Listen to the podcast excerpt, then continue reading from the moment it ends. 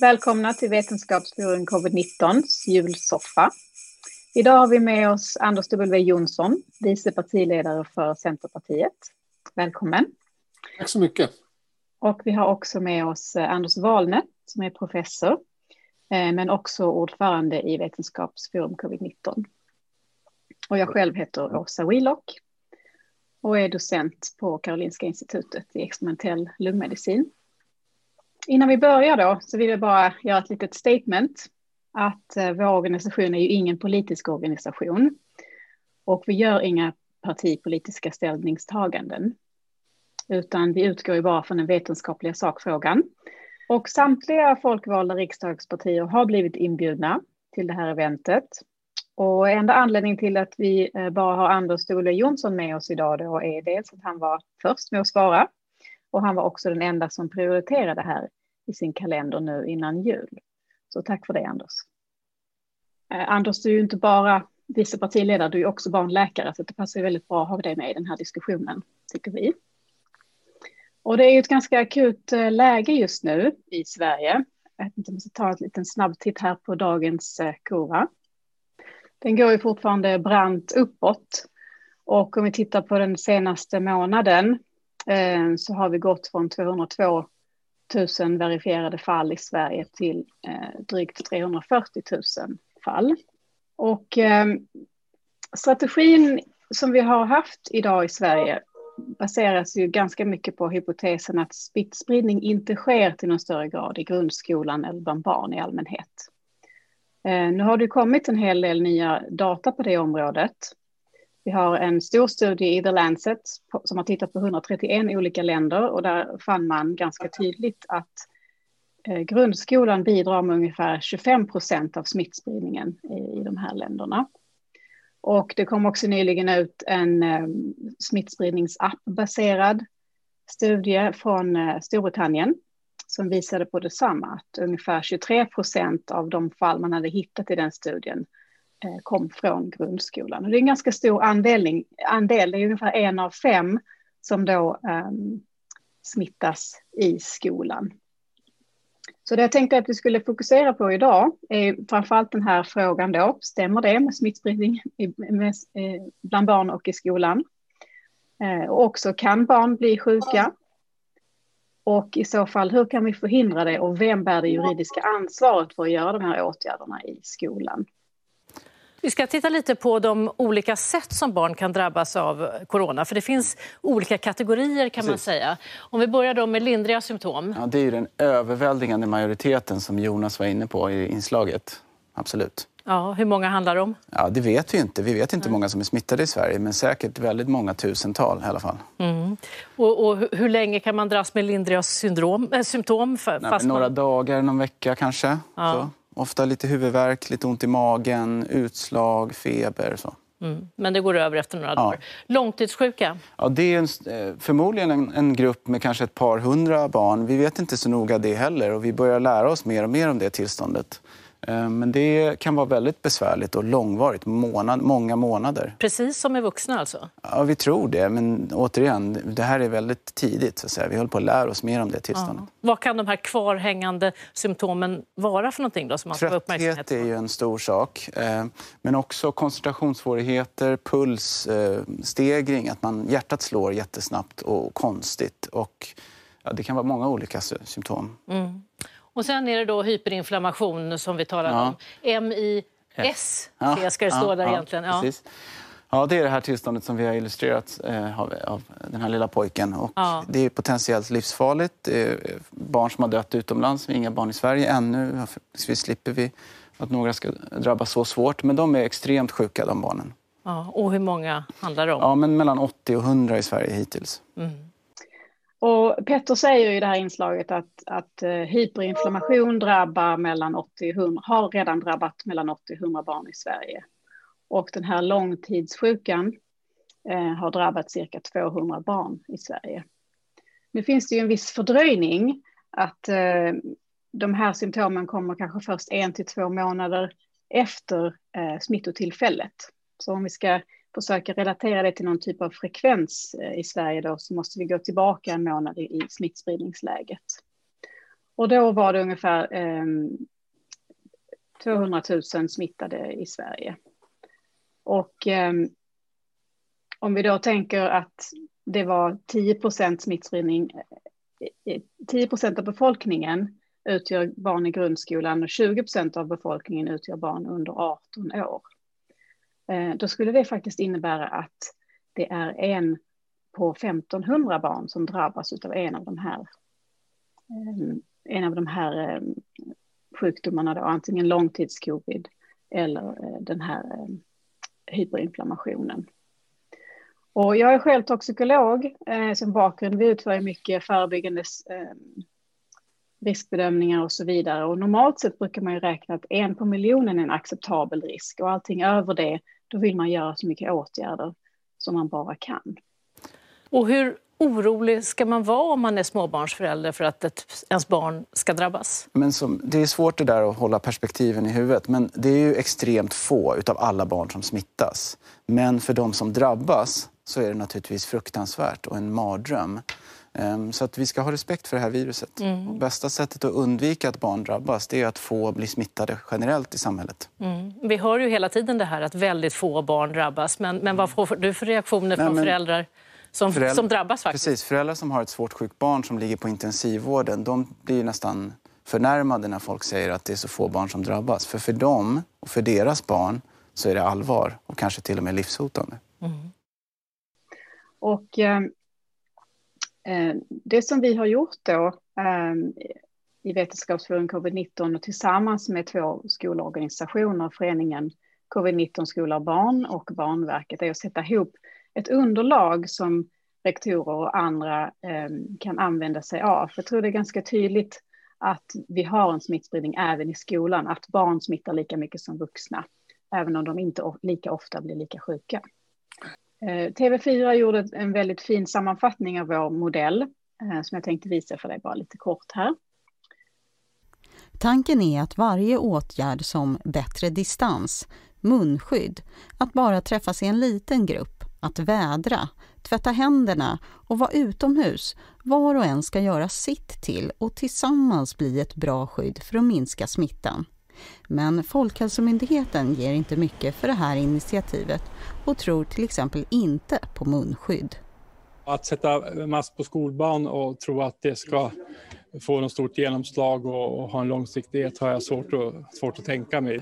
Jag tror att man måste arbeta med över hela samhället med distanseringsfrågorna väldigt mycket.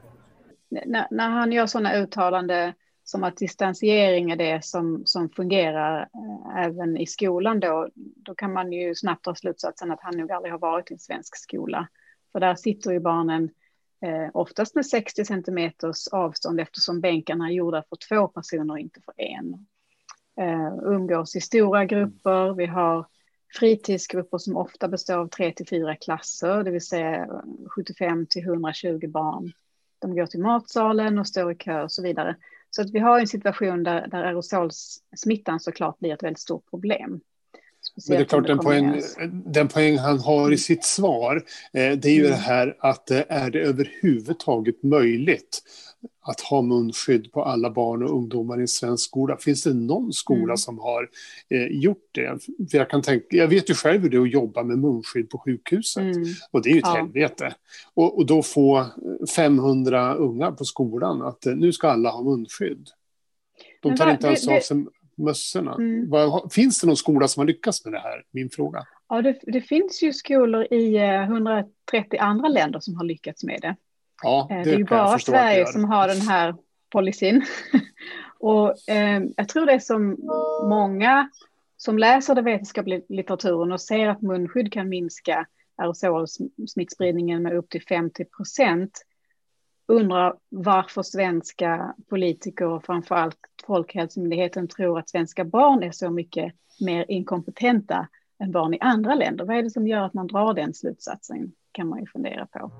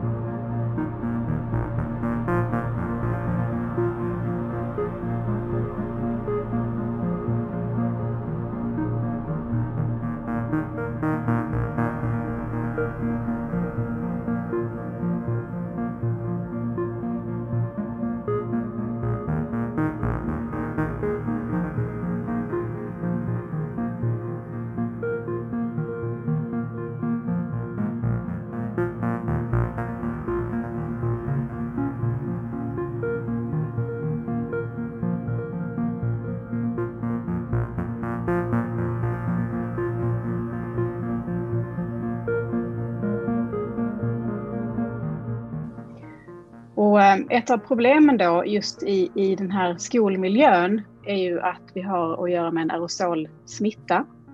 Jag tänkte visa ett inslag um, just om, om hur aerosolsmittan fungerar. Så utan ventilation så hänger ju aerosolerna kvar i luften och ökar i koncentration hela tiden. Så efter allt som, eftersom tiden går så fylls ju rummet med aerosolen och finns det då en smittad person i rummet så finns ju även virusen i den aerosolen. Så här är då eh, ett exempel med en simulering på ett klassrum. Och det är ju en ganska liten klass för det är bara 20 elever här. Men i detta exemplet så är det då läraren som är smittad men det kunde ju också ha varit en student. Och de sitter då i två timmar i klassrummet utan munskydd och utan ventilation i det första exemplet. Och då eh, är det så många som 12 av barnen som skulle bli smittade i genomsnitt. Om de däremot skulle ha munskydd på sig allihopa så skulle det här antalet reduceras till mindre än hälften. I genomsnitt fem skulle bli smittade under det här två timmars passet. Och här har de då kombinerat tre olika lag av den här Schweizermodellen. Eh, både att alla har munskydd på sig, att man har god ventilation i klassrummet och att läraren håller avstånd från eleverna. Och då eh, har man minskat smittspridningen så pass att det bara är en i genomsnitt av studenterna som blir smittade. Det finns ju en spridd missuppfattning att det är att det här är att munskydden silar ungefär som en sil, eh, vanlig sil silar någonting och att då de här hålen i munskydden är för stora eh, för mm. att mm. kunna hålla kvar. Men det är ju det är ju elektrostatiska och hydrofila krafter mm. Som, aerosoler. Ja, men den bilden jag tror jag har det ganska klart för mig därför att jag har fått en hel del eh, bra litteratur. Men alltså den bild jag har då det är ju att eh, mm. munskyddet skyddar inte mig som individ eh, särskilt mycket. Om jag tar på mig munskyddet och går till Köpes Valbo och då den här danska studien skillnad på 1,1 respektive 2,1 eller 1,8 och 2,1 eh, och då Fredrik har berättat för mig älg då att det finns ju mycket tveksamheter i den. Men det skyddar inte individen särskilt mycket, men däremot i drar, minskar det smitttrycket totalt sett. Och där känner jag mig ganska... Mm. Och det var ju det som gjorde att eh, jag gick ut för några veckor sedan då, och sa att eh, nu är det dags att regeringen pekar med hela handen och säger att eh, munskydd i, de regioner, städer där vi har en hög smittspridning och på de platser där man inte kan ha eh, avståndet av två meter. Eh, men alltså, ni ska veta att när jag gjorde det så har det kommit en hel del mothugg från smittskyddsläkare och även eh, professorer, akademiker som säger att ja, men du hänvisar till GENA-studien, den är ju helt värdelös, den kan man inte gå på.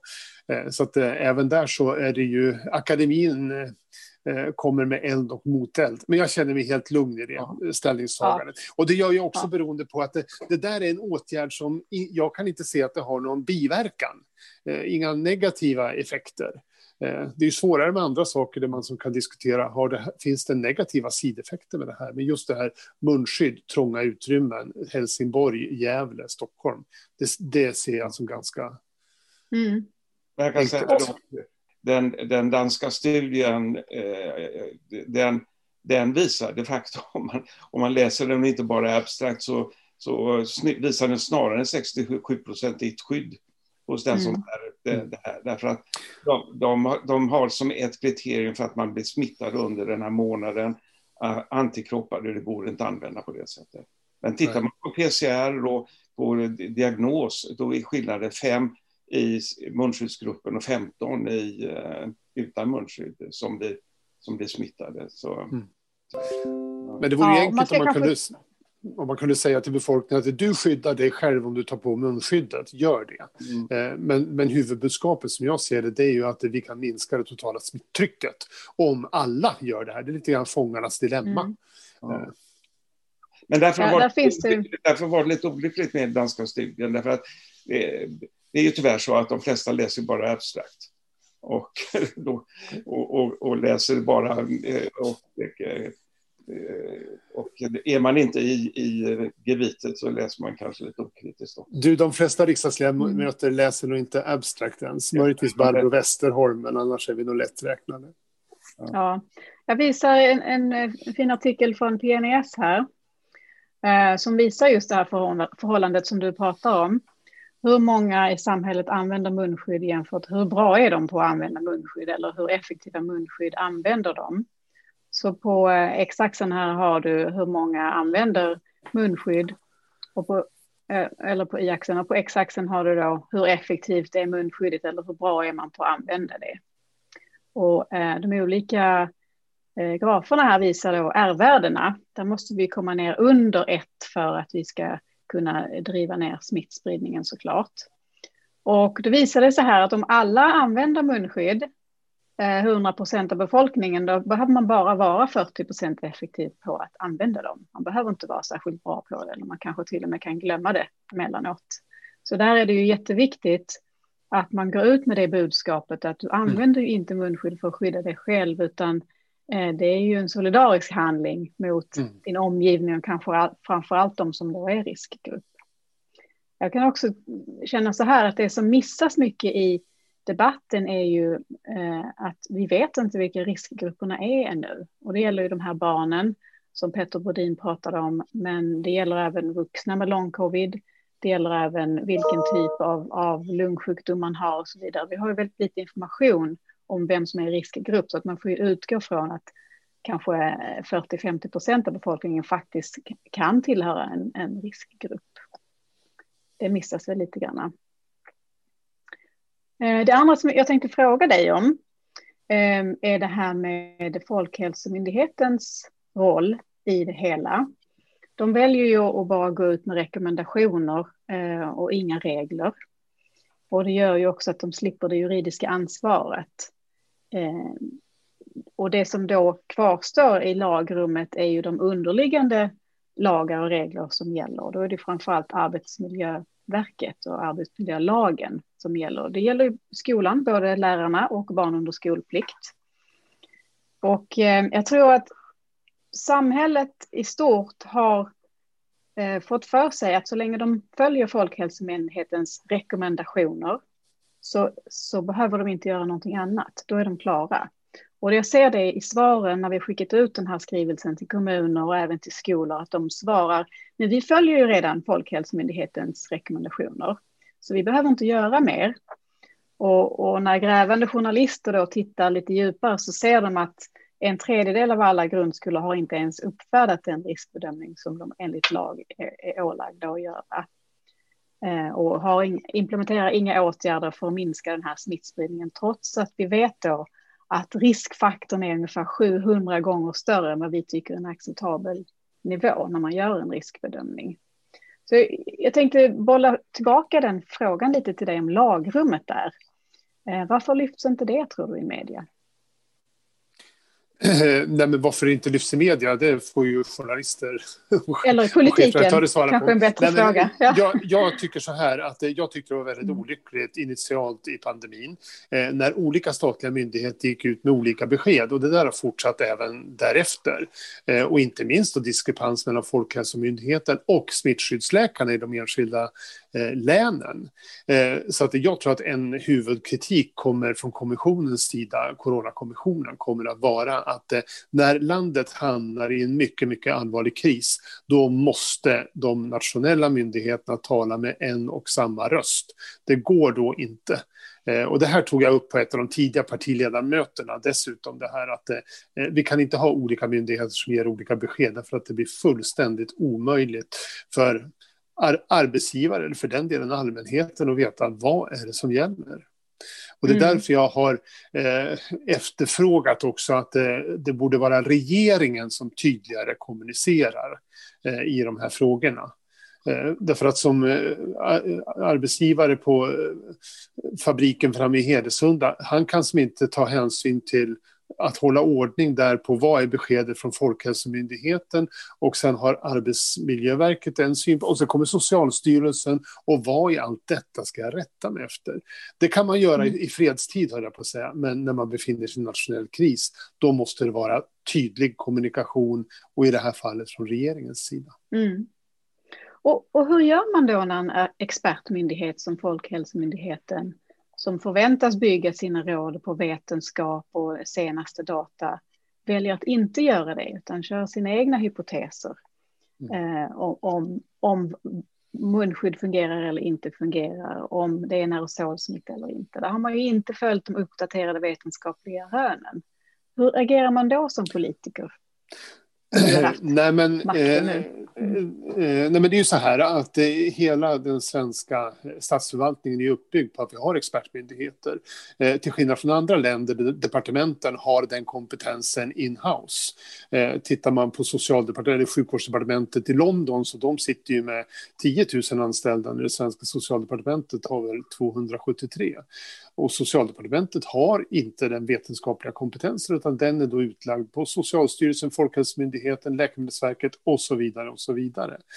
Och det gör ju att man måste kunna lita på de besked som kommer från myndigheten. För jag ser ju en, jag är lite intresserad av det här av professionella skäl och ser ju en bråkdel av all vetenskap som publiceras. Och det är inte möjligt i Sverige, vare sig att jag som riksdagsledamot, vice partiledare eller för den delen socialdepartementet ska kunna sortera i allting som publiceras vetenskapligt, utan det måste man ha en statlig myndighet som gör. Och då uppkommer ju den här frågan. Eh, ta Strålskyddsmyndigheten, när de säger att eh, mobiltelefoner är inte farliga, kan vi lita på det? Ja, vi måste göra det tills motsatsen har bevisats. Och det är klart, i ett läge där det då mellan statsrådet och, eh, minister och generaldirektören blir en, en förtroendeglapp. Eh, I det läget då finns ju den möjligheten för regeringen att entlediga eh, generaldirektören och tillsätta en ny. Mm. Men jag har svårt att se att vi ja, i riksdagen har vi inte den kompetensen, att, att, att departementen heller skulle ha den. Eh, jag har haft som en ledstjärna i eh, mitt politiska arbete att eh, vi måste låta professionen avgöra vad som är rätt vad det gäller behandling av olika sjukdomar och vilka åtgärder som ska vidtas. Och när man då hänvisar till professionen, då, då blir det de statliga myndigheter som på det området har det ansvaret.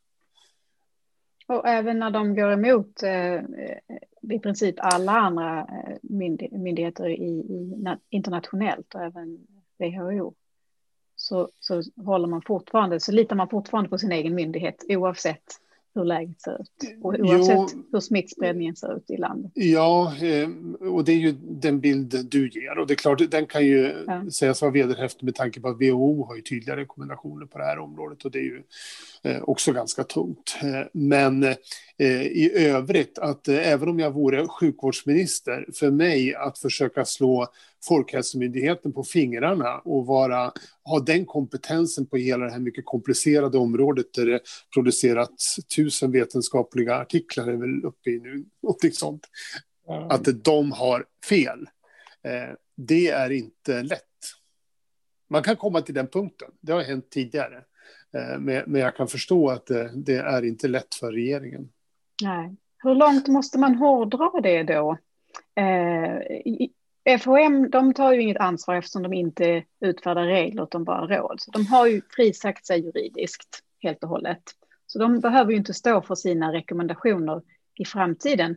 Däremot så kan man ju kanske tänka sig att de rektorer och kommuner som faktiskt har ett arbetsgivarintag eh, ansvar och kan bli stämda för sjukdom, eh, långtidssjukdom eller till och med död i framtiden är det inte så att de blir lite förda bakom ljuset nu när de tror att de gör rätt när de följer Folkhälsomyndighetens rekommendationer, men regelverket som ligger under ignoreras av samtliga i samhället? Nej, men det är ju så här att eh, Folkhälsomyndigheten har ju ytterst begränsad möjlighet att utfärda eh, juridiskt bindande föreskrift mm. för den enskilda individen. Vi har ju inte det systemet i Sverige. Smittskyddsläkaren, den fristående myndigheten, kan ju göra det. Eh, men, men där handlar det också om, i det enskilda fallet, de kan stänga en restaurang som sprider salmonella och de kan ålägga mig som har hiv att eh, iaktta viss försiktighet. Men Folkhälsomyndigheten har ju inte befogenheten att gå in och eh, ge juridiskt bindande regler för särskilt mycket annat. Eh, men de kan utfärda mm. rekommendationer och då säger du att de kommer inte att stå till svars för det och, eh, och det tror jag att de kommer att få göra. Coronakommissionen visade ju nu i tisdags rätt tydligt att man riktar ganska skarp kritik, inte bara mot Folkhälsomyndigheten men mot regeringen och mot regioner och kommuner så att tids nog så kommer det nog att utkrävas väldigt mycket ansvar för hur det här har hanterats. Mm. Men min ingång i politiken det är lite grann att det får vi ta sen. Just nu så befinner vi oss mm. mitt i ett eh, krig, ska, kanske ett starkt ord, men mitt i en akut kris för landet. Och då gäller det att titta på här och nu, vilka åtgärder kan vi vidta? Eh, pandemilag måste vi ha på plats så fort som möjligt, därför att då får ju åtminstone regeringen juridisk möjlighet att gå in och stänga och begränsa. Det har de inte idag. Eh, vaccinationerna måste vi se till att det fungerar och ett antal konkreta områden. Eh, och sen när vi väl har kommit igenom det här, eh, då kommer vi att ha väldigt mycket eh, material att utvärdera och se på vilka sätt behöver vi förändra den svenska förvaltningsmodellen för att kunna klara sådana här saker. Jag såg ju till exempel ett exempel, det var ju Folkhälsomyndigheten har ju nu sagt att det på äldreboenden ska man använda munskydd. Trots det går smittskyddsläkaren i en av våra regioner ut och säger nej, nej, nej, hos oss behövs inte det. Och det där visar ju som att det, den svenska modellen fungerar inte bra i en kris. Det är klart när Folkhälsomyndigheten säger munskydd på, på äldreboenden, då ska det gälla i hela Sverige. Det ska man inte som smittskyddsläkare kunna obstruera. Eller för den delen testningen i, i våras, eh, när man gick in och sa att eh, nu ska vi testa i Sverige, masstestning. Ja, då var det ett antal län där smittskyddsläkarna sa nej, men här i Kalmar, där tänker vi minsann inte göra på det viset. Och det är klart, så kan man hålla på i, i, i fredstid när det är lugnt, men just i de här akut kritiska lägena, då måste vi få en tydlig befälsordning. Får jag fråga, varför kan man inte införa redan på måndag en ny eh, eh, pandemilag? Därför att vi har någonting så löjligt som heter regeringsformen. Och den, den förbjuder det? Ja. Om hela riksdagen. Det, det här Nej. Nej, det går inte. Nej, men det är så här att det, vi har ju... Om... Nej, men Förlåt, även om det skulle vara ett undantagstillstånd? Nej, men vi har, undantagstillstånd har vi inte i mm. Sverige, mm. har vi aldrig haft. Andra länder har undantagstillstånd. Mm. Finland till exempel, de har varit med om andra världskriget. De har kvar alla sina krislagar. Sverige finns inte något som heter undantagstillstånd. Det är alltså så här att regeringen de har två vapen till sitt förfogande. Det är alkohollagen och eh, ordningslagen som de ska försöka bekämpa en pandemi med. Och vi från Centerpartiet vi har drivit på sen, jag tror jag tog upp det första gången i slutet på april, början på maj, att ni måste se till att få en pandemilag som gör att ni kan gå in med begränsningar, kan gå in med stängningar eh, och dessutom kompensera ekonomiskt. Ingenting hände förrän vi lyfte den frågan i riksdagen. Jag tog upp det som ett utskottsinitiativ, det vill säga hela riksdagen tvingar regeringen.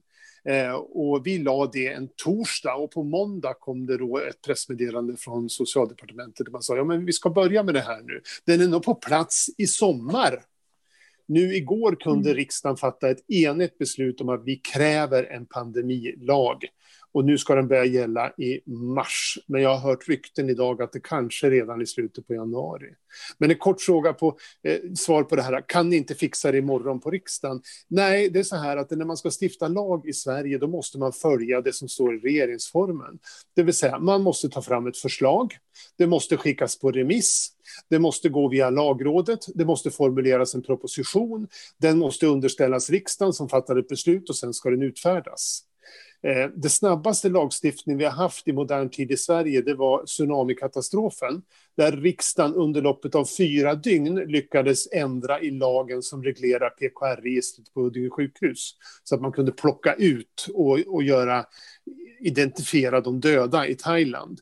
Den lilla förändringen den kunde man göra på mm. två till fyra dagar. Men alltså pandemilagen, den, den handlar om eh, ingripande i grundlagsskyddade rättigheter. Så nu finns det ett förslag, det är ute på remiss. Eh, remisstiden går väl ut på eh, dagen före julafton. Och sen ska det här hanteras så snabbt som möjligt. Men, mm. men vi har en regeringsform och det finns mm. fördelar med det också, det är inte bara nackdelar. Ja, nej, men det är skönt att ha ett lagrum som skyddar oss som medborgare, men just i nu-fallet så skördar det ju liv istället för att skydda liv. Det håller jag med om ehm. i allra högsta grad. Och, eh, och, och då tänker jag så här, svenskarna är ju ett ganska solidariskt folk ändå och vill gärna följa sina myndigheter. De har stort förtroende till mm. myndigheterna. Så om myndigheten skulle besluta sig för att gå ut och säga nej men nu vill vi att alla stannar hemma över julhelgerna. det har de i och för sig sagt.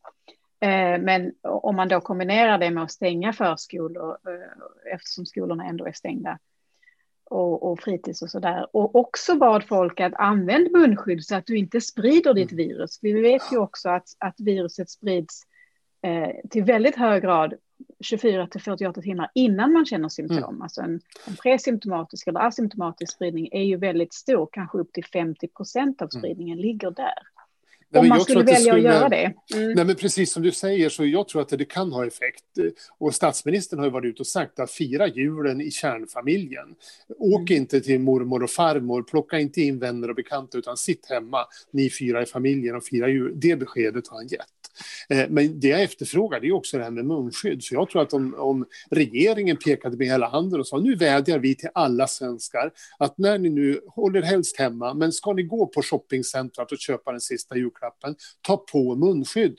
När ni ska åka tunnelbana, ta på munskydd. Så tror jag att vi skulle se en ganska eh, dramatisk effekt. Vi skulle inte nå upp i 100 procent, men kanske 40, 50 eller 60. Så att man kan som regering, tycker jag, använda det här att det, nu vädjar vi till svenska folket att göra ett, två och tre och många skulle följa det.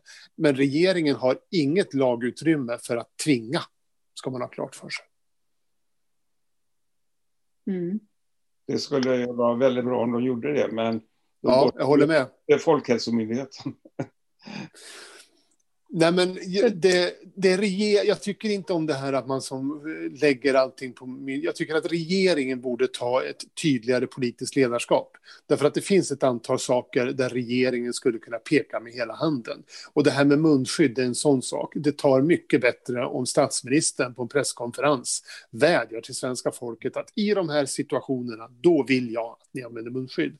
Än om Johan Carlsson ska ha en presskonferens där han säger det. det Ja, man har ju lagt över hela medieansvaret till Folkhälsomyndigheten på det sättet och det blir ju ett problem. Men, men eh, till exempel om statsministern skulle stå och ge ett tal med munskydd på så skulle det ju ha en väldigt stor, eh, väldigt stort symbolvärde. Mm. Samtliga, så som de flesta andra gör i andra länder. Jag såg att det är kallat till en presskonferens med statsministern nu 16 och 15 så vi får väl se om det kan finnas något sådant budskap där. Ja, du kan väl ge honom ett munskydd. Men, men som ja. läkare, jag var for senast nu onsdag natt, och, så jag jobbar ju i skyddsutrustning och jag vet ju mm. att det bara munskyddet är ju mm. ett helvete att ha på, helt enkelt. Eh, så att jag, jag, förstår ju också att det finns ett motstånd. Eh. Jo, men, men jag skulle vilja göra en liten kommentar där, för det, nu pratar du ju om, om DP3 kanske som man har i en, en, en klinisk situation, Nej. men Nej, okej. Okay. Vanligt utan alltså, munskydd. Nej, men vi har, ja. nej, men vi har ju två skillnader. Dels är det där när jag går in till en covid-sjuk patient, för jag har ju ändå haft några sådana, eh, då är det ju en helt annan säkerhetsnivå. Mm. Men nu så åtminstone på Gävle sjukhus, jag tror det är så på de flesta i Sverige, liksom i äldreomsorgen, så ska mm. man ju vid all patientkontakt, när man kommer i närheten, så ska man ju ha det här vanliga munskyddet på. Men så fort jag sätter på det, då immar glasögonen igen och då ser jag ingenting. Så att då får jag mm. börja med att ta med glasögonen glasögonen. Och, så att det, det låter enkelt med munskydd för de som inte har provat ja. att använda det. Man lite längre fram också i och för sig. Men, men min dotter som är tio år, hon har haft munskydd varje dag nu sista månaden och hon tycker inte det är besvärligt. Hon har ett ganska mjukt tygmunskydd som sitter bekvämt som vi tvättar varje dag. Hon tycker inte det besvärar alls. Jag tror att barn är ganska eh, lätta, har ganska lätt för att vänja sig vid, vid nya situationer och är väldigt anpassningsbara, kanske mycket mer än vad vi vuxna är. Mm. Eh, och eftersom 25 procent av smittspridningen ligger i skolan, mm. skulle det inte vara i det, det kanske skulle få oss att komma ner just under det där magiska R-värdet på 1 så att kurvan vänder. För nu står det ju på 1,4 i Sverige och det är väldigt högt. Det är mm. därför den fortfarande går exponentiellt. Mm. Um, som sagt, jag tycker den här uh, ostmodellen som presenteras mm. i TV4, den tycker jag uh, låter väldigt intressant. Mm. Uh, men sen ja. ser jag ju också de praktiska problemen med att implementera det i skolsituationen. Mm. Och det var därför jag ställde frågan. Det borde ju finnas någon skola som nappar på det här och tänker att här ska vi vara föregångare.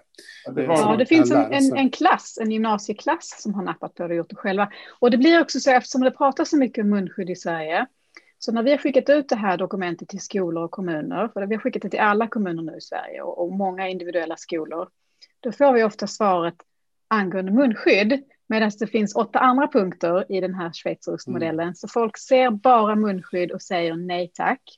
Medan en lika viktig faktor är ju eh, att, att vädra kontinuerligt, som vi såg i den här lilla eh, animationen, och också bubbeltänket var inte fyra klasser tillsammans på fritids. Gå inte till matsalen, ät i klassrummet.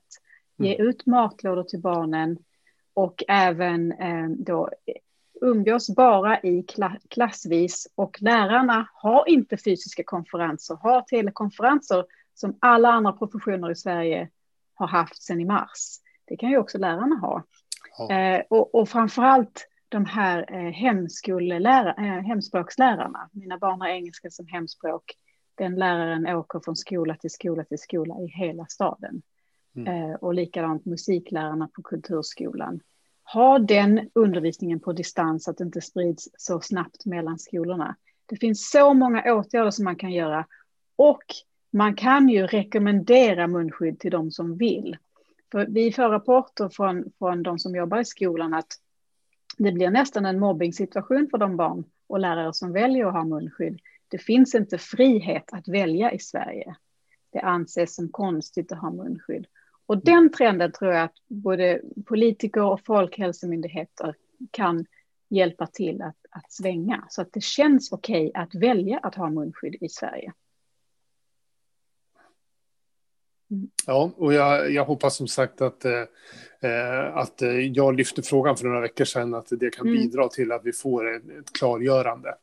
Ja. Eh, men, men det måste som sagt komma från regeringen, som jag ser det. Mm. Eh, mm. Och det skulle vara väldigt mycket värt med det. Och, och om just det här också, att det, jag ser inga nackdelar med att, eh, att faktiskt rekommendera det andra saker som till exempel man diskuterar, till exempel stänga skolor och sånt där, ja då finns det ett antal svåra mm. saker att ta ställning till. Men, men just börja använda munskydd, det ser jag inga ja. nackdelar med. Det kan till, man kan till och med säga det så här att, att använda munskydd i skolan är ett sätt att kunna hålla den öppen. För jag tror ja. att de flesta i Sverige är överens om att det är en fördel att ha skolan öppen. Barnen mår bättre av att kunna gå dit. Eh, föräldrarna kanske också mår bättre av det. De kan sköta sina arbeten framför allt. Mm. Eh, men om man använder munskydd i skolan och sänker R-värdet tillräckligt för att kunna hålla samhället öppet så är det en stor vinst i sig själv. Mm. Mm. Har du några val, välvalda ord, eh, Anders, mot slutet här? Jag tror att eh, din tid börjar ta slut, är det inte så? Eh, jo, precis. Eh, ja. Nej, men, eh, jag, jag står mitt i pandemin på många sätt. Dels i och med att eh, jag jobbar mm. ungefär ett pass per vecka på barnkliniken och ser verkligheten i det här. Eh, och har ju också möjlighet att försöka påverka nationellt i det. Och jag tar emot alla, alla förslag, alla tankar. Så att eh, gärna, mejla gärna det här, de här åtgärderna som ni hade tagit mm. fram, för det tycker jag är väldigt spännande. Eh, sen har inte jag, i och med att jag sitter inte i regering, eh, möjligheter att vara exekutiv. Eh, men däremot har jag gott om kanaler ut, inte minst till de 200 av 290 kommuner där Centerpartiet styr, eller 19 av 21 regioner. Så att, eh, vi verkar mm. ju på olika nivåer. Så att, eh, jag tar gärna emot konkreta förslag på vad som borde göras, för det här är eh, en otroligt bekymmersam situation nu som jag ser mm. Mm. Och Anders Wahlne? Ja, nej, tack så väldigt mycket Anders för att du ville ställa upp och lyssna på oss. Det är värdefullt. Jag hoppas att lite av det här att ni i korridorerna på riksdagshuset också kan eh, försöka påverka eh, andra ledamöter att eh, påverka regeringen. Vi ska göra vårt bästa. Får jag fråga, när du går i korridorerna där? Vi går aldrig i korridorerna. Har... Nej, vi går aldrig, aldrig i korridorerna. Okay. Eh, utan det, de enda gånger jag är till riksdagen det är ju när jag ska vara i kammaren. Eh, och i kammaren där är det order om minst två meter så att man är utspridda över hela denna mm. jättelika sal. Eh, mm. Så att i det läget då håller jag coronaavstånd. Men i övrigt så är det ingen verksamhet i riksdagen för vår del. Nej, utan allting är digitalt. Socialutskottets sammanträde digitalt och allt annat.